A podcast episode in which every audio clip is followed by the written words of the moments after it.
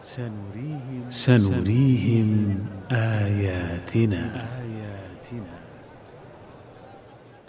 العلاقة بين الحقيقة العلمية والنصوص الشرعية. الحقيقة العلمية ثابتة وغير قابلة للنقض بخلاف النظرية أو الفرضية ويمكن تأويل النص الشرعي ظني الدلالة بما توضحه الحقيقة العلمية الثابتة وفق الضوابط المعتمدة. ولا يمكن حدوث تعارض بين نص من القرآن والسنة الصحيحة قطعي الثبوت قطعي الدلالة وبين حقيقة علمية ثابتة.